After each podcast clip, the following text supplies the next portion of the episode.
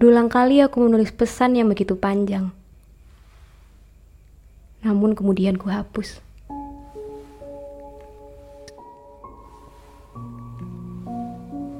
Mataku masih terjaga semalaman. Merangkai kata-kata untuk ucapan selamat menjalankan ibadah puasa misalnya.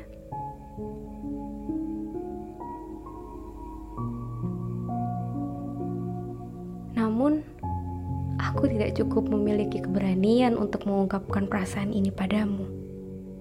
Pada jam-jam seperti sekarang ini, kebingungan sering melanda antara ingin tahu kabar tentangmu namun takut jika saja aku mengganggumu. Mungkin Ramadan tahun ini memang mengajarkan kita untuk belajar menahan banyak hal. Lapar, hawa nafsu, dan pertemuan. Akan kuingat baik-baik bagaimana rasanya tiap malam aku menjadi seseorang yang kelabakan seolah semua kenangan datang tiba-tiba, membentuk bayang wajahmu hingga peristiwa yang pernah ada kita, menghujam dan melelahkan.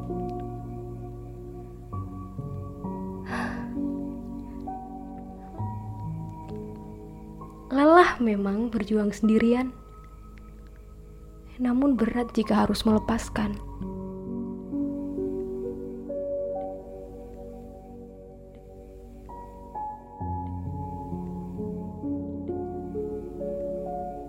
Dan kedua hal itu selalu berujung pada sebuah rutinitas bernama tangisan.